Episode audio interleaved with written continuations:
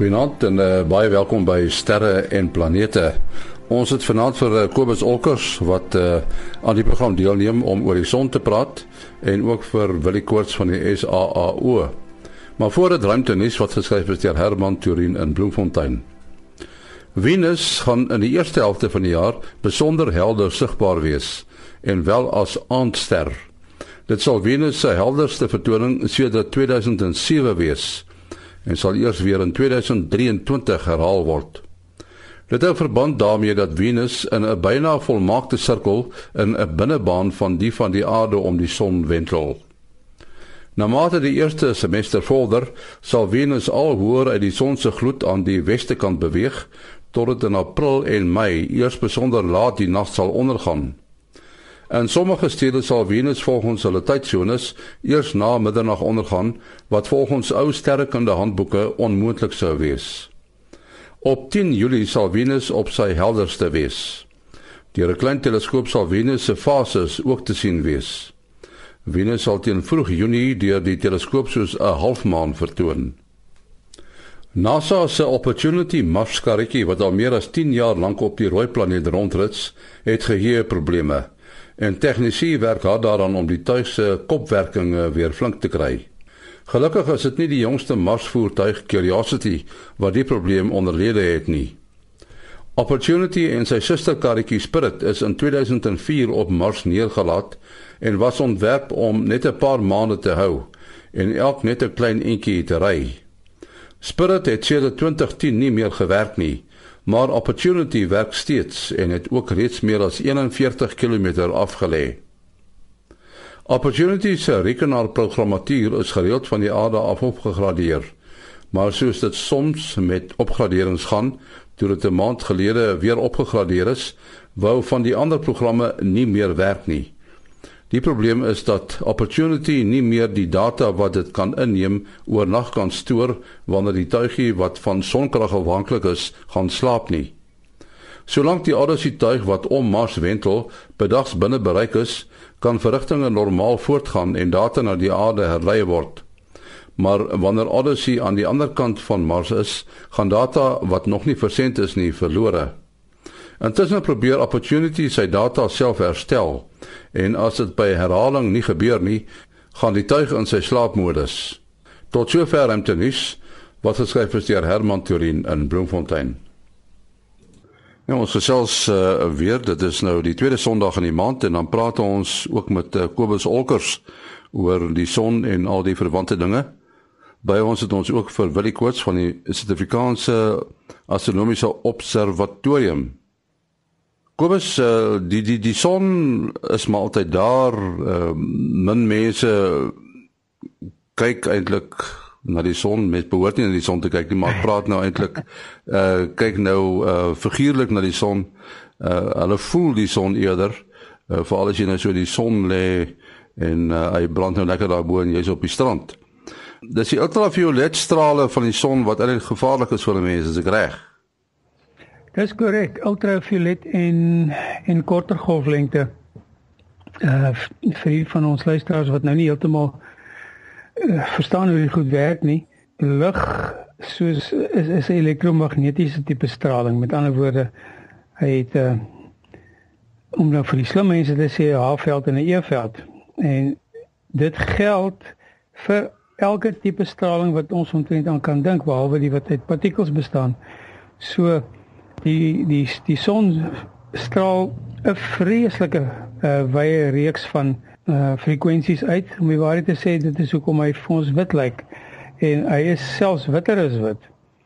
Want sy witheid uh, gaan af na die na die uh, infrarooi kant toe en dan en dan na die uh, radiokant toe. Want onthou net radiogolwe is ook elektromagnetiese strale net soos lig en dan aan die ander kant toe gaan hy op met ultraviolet strale en dan met uh ekstreem ultraviolet en dan met X-strale en dan met baie harde X-strale.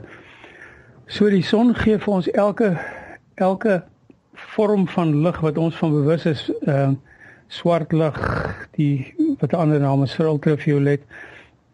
Nou hoekom is ons bekommerd oor hierdie goed?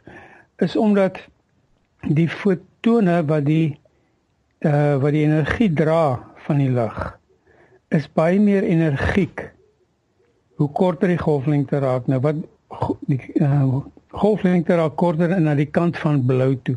So sê maar ons begin in die middel met sien 'n maar groenerige lig. Dan as jy nou na die blou kant toe beweeg, sê gaan nou blou en dan gaan jy na pers en dan gaan jy na violet en dan ultraviolet.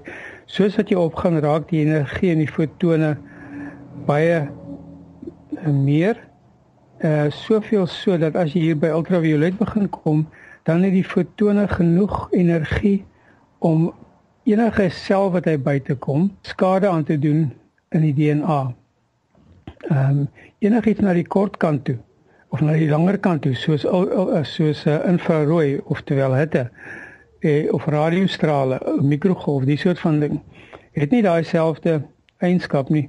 En 'n mens kan dit nogal sien as jy gaan lê Jy kan gaan lê voor 'n verwarmer.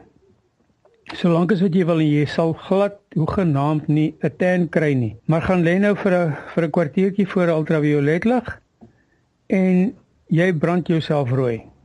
En dit is jy brand jouself rooi omdat jy selle skade kry. So dit was nou 'n baie lang manier om te antwoord om te sê ja, die son saai elke vorm van van elektromagnetiese straling uit insluitende die goeies wat ons nou betref soos hitte en dan natuurlik die ultraviolet en en alles en alles verder en laer. Wil jy hoekom is dit so as 'n mens na die son kyk gebruik 'n mens nou filtermateriaal? Uh, wat doen hierdie filtermateriaal? Filtreer hy die ultraviolet uit? En natuurlik ook die infrarooi. 'n Mens besef amper nie en dit is natuurlik wat ons ken as hitte. 'n Mens besef nie altyd hoeveel skade jy kan aanrig as jy met 'n verkeerde filter na die son kyk nie. Nou in die ou tyd het die mense gesê gebruik 'n ekstra plaat uh, ons onthou die ekstra plate daar wat hy nou niks gekry het nie is hy nou so pik swart. En die mense het gesê gebruik dit.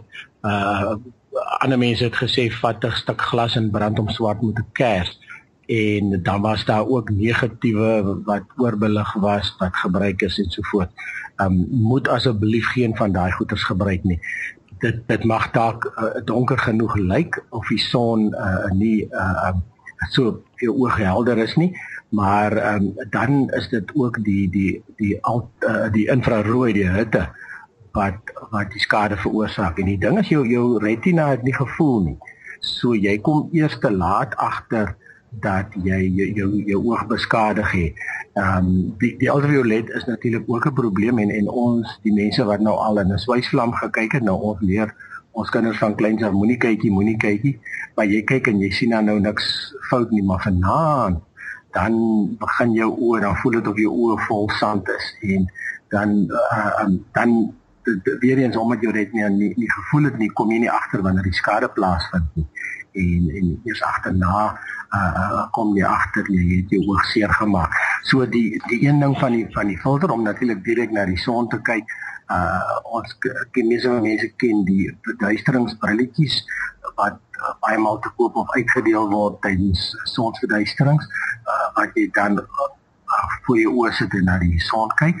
Mense praat baie maal van die uh teesakkies houers. Um nou ja, dit dit is net besop uh is nie gesertifiseer nie. So dis aan die sakkies, die sakkies waar in die waar waar in die in die teesakkies kom. Ehm um, as jy dit wou gebruik uh, uh soos soos Kobus sê, wees baie versigtig en moenie staar nie. Kyk net vinnig en kyk klaar. Uh um, maar jy moet as jy wil lank staan na die son maak seker jou filter is is gesertifiseer. Ja, en dan praat jy van H alpha waterstof alfa ja die uitjies natuurlik nog waterstof dis reg. Ehm um, nou die son ehm um, straal twee besonderse emissielyne as jy die son opbreek in sy hele spektrum uh, dan kry jy natuurlik duisende streepietjies die van van van julle wat wetenskap geneem het sal onthou praat van emissielyne en absorpsielyne ensovoorts nou die son is 'n emissiespektrum. En dan uh, kry jy die twee baie prominente streepies in die waterstof alfa dis baie diep rooi.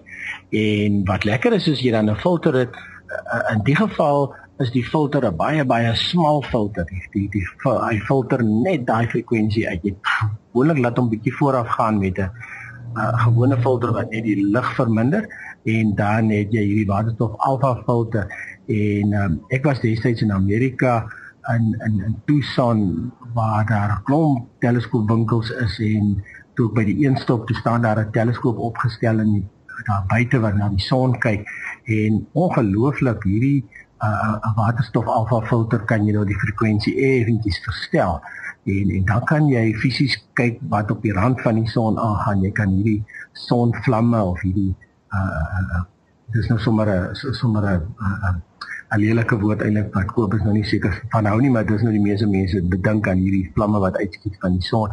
Jy jy kan dit op die rand van die son sien ensovoorts. So dit is 'n baie wonderlike manier om die, om die son te bekyk.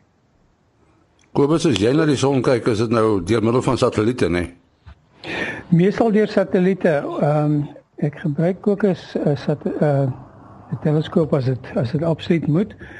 Ehm um, maar ons het satelliete wat wat eh uh, wat vir ons die verskillende spektrumlyne eh uh, vir ons kan wys. As ek byvoorbeeld nou kyk na ons na ons SDO, dis die Solar Dynamics Observatory, dan kan ons kyk by by 193 angstrom en natuurlik by elke eh uh, frekwensie wat jy kyk, by elke liggolflengte wat jy kyk, sien jy ander tipe detail ehm um, soos soos wil jy nou gepraat het van die waterstof alfa filter. Uh is 'n baie gewilde ene want met hom kan jy uh detail onderskei wat van aktiwiteit wat in die met waterstof gebeur en waterstof is natuurlik die hoofkomponent van die son. So uh, enige van hierdie uitbarstings of vlamme soos wat hulle hulle noem, ehm um, is is is baie mooi sigbaar en mens kan die sonvlekke baie mooi uitmaak. Maar om nou terug te kom na die goed wat ons op die satelliete kyk, as ons by 193 angstrom kyk, dit is nou redelik diep in die ultraviolet en ons kan uh koronagate baie goed onderskei. Ek sit nou op die oomblik en kyk na die na die een wat wat wat tydelik aan die gang is en ons kan sien daar's 'n uh die koronagat het ons verlede week in die suide gesien het dit nou bietjie aanbeweeg en bietjie opbeweeg en hy's besig om byvoorbeeld nou na ons toe uit te saai. En daar's nog een netjie in die noordelike halfrond. Dan kan ons die filamente baie mooi sien.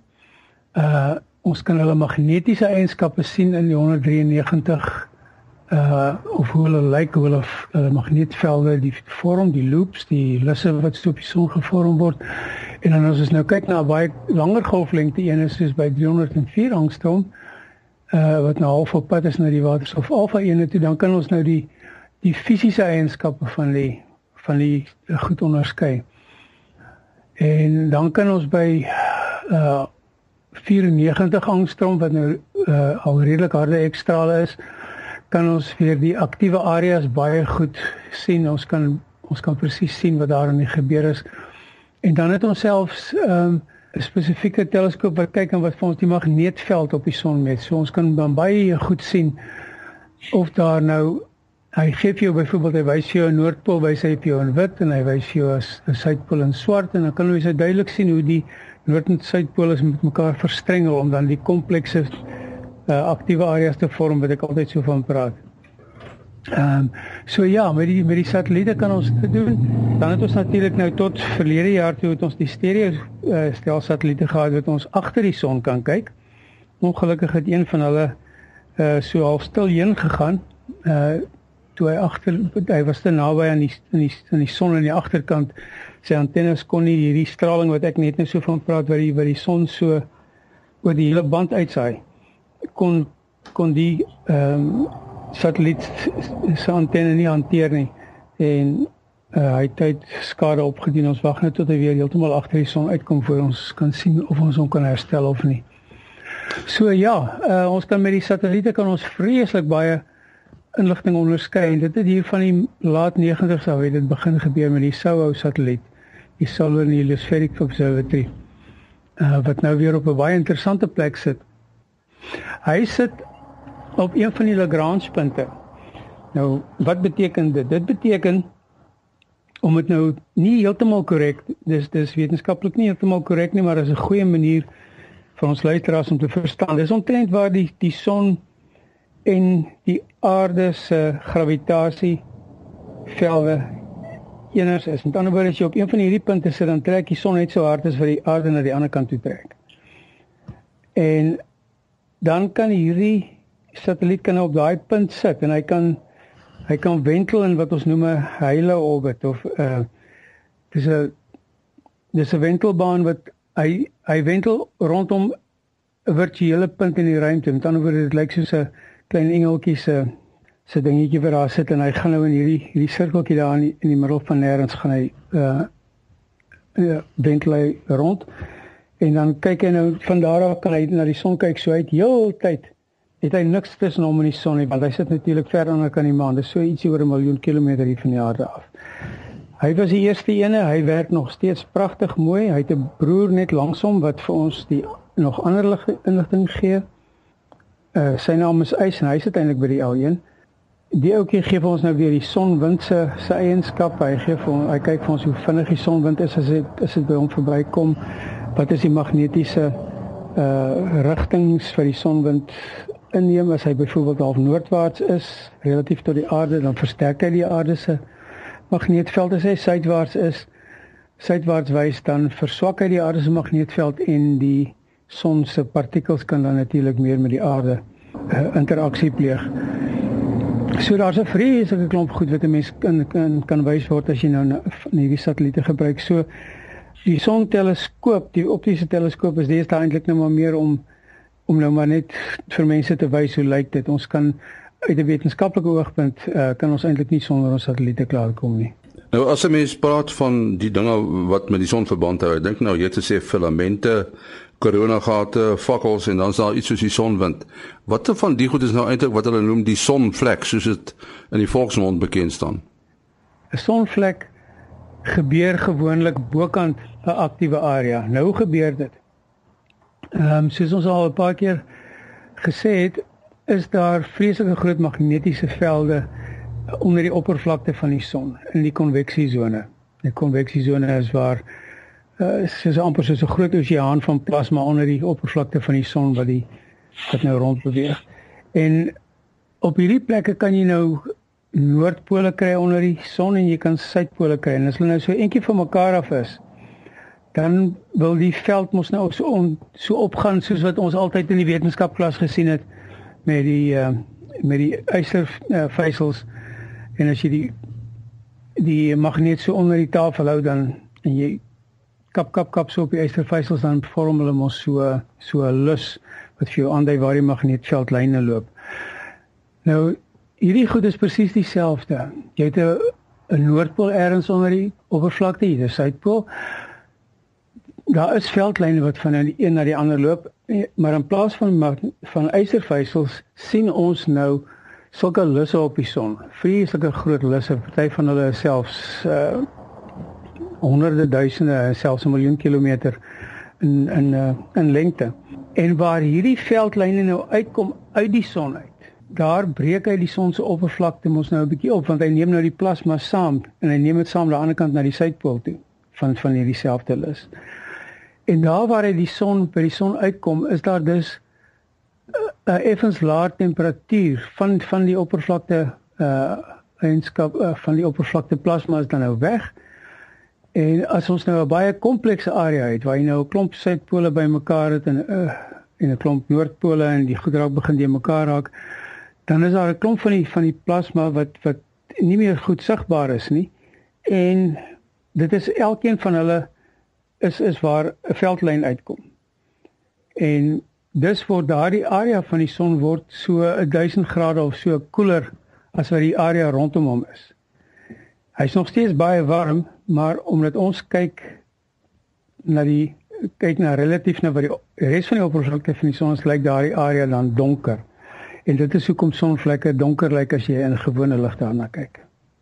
Uh wil jy ons net so 'n bietjie wegbeweeg van die son? Uh ek dink as mense nou opkyk Mercurius en Venus, uh die uh planeet uh wat soms die oggendster en soms die aandster is, maar Mercurius en Venus is nou redelik naby aan mekaar, né? Nee?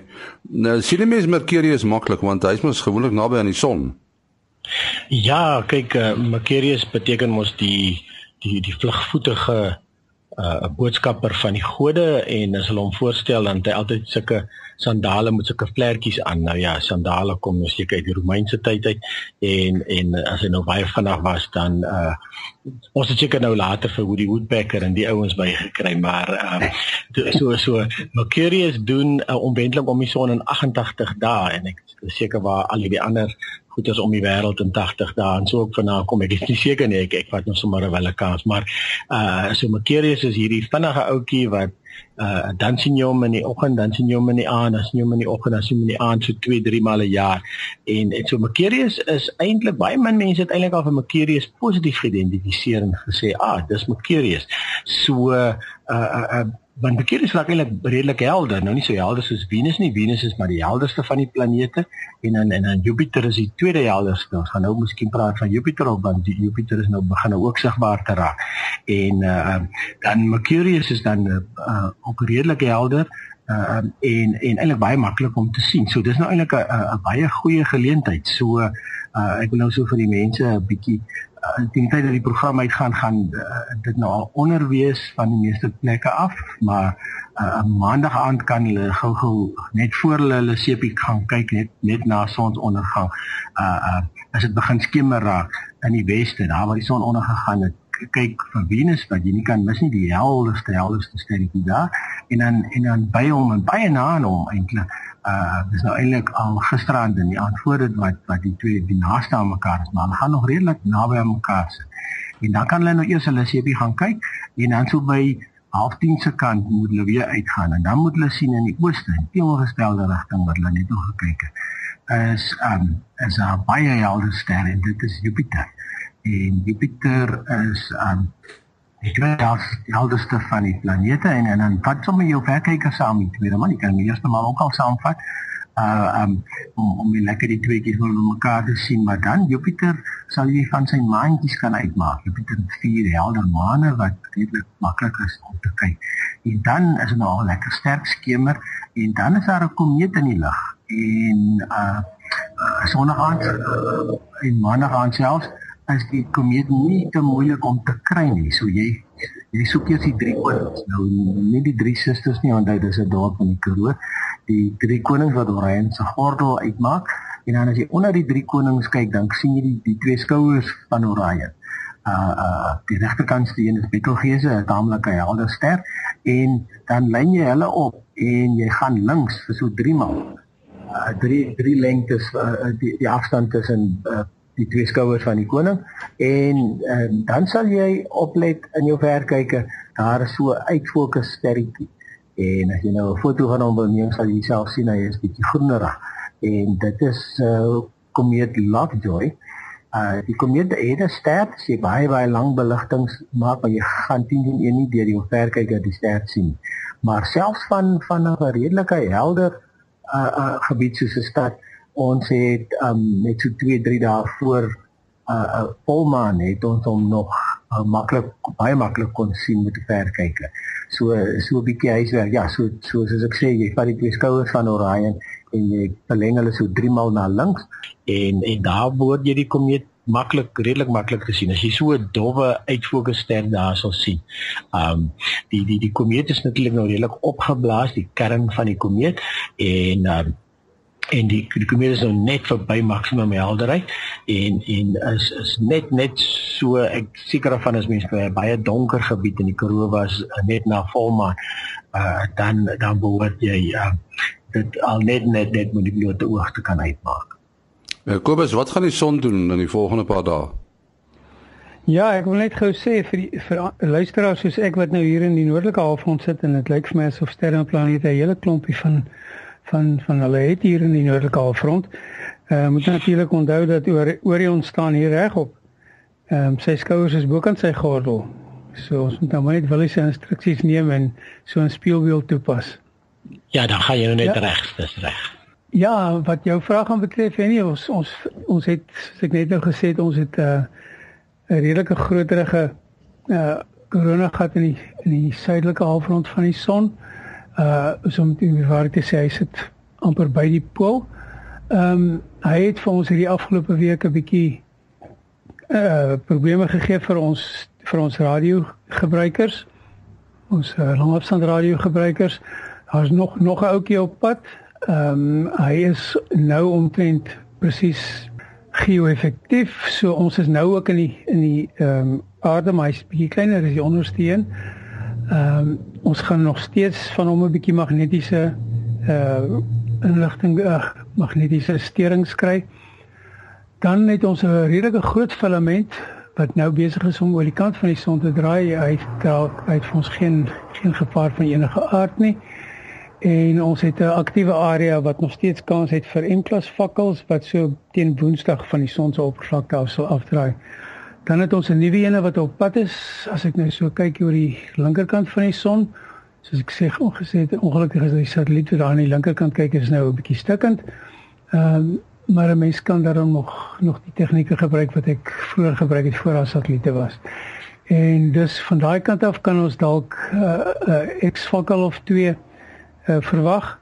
Uh so deur die hele week, maar ons behoort nie meer as 'n M-klas fakkel te hê nie wat beteken uh dinge soos GPS en so sal nie beïnvloed word nie ook nie die internet nie maar weer eens ons arme langafstand luisteraars.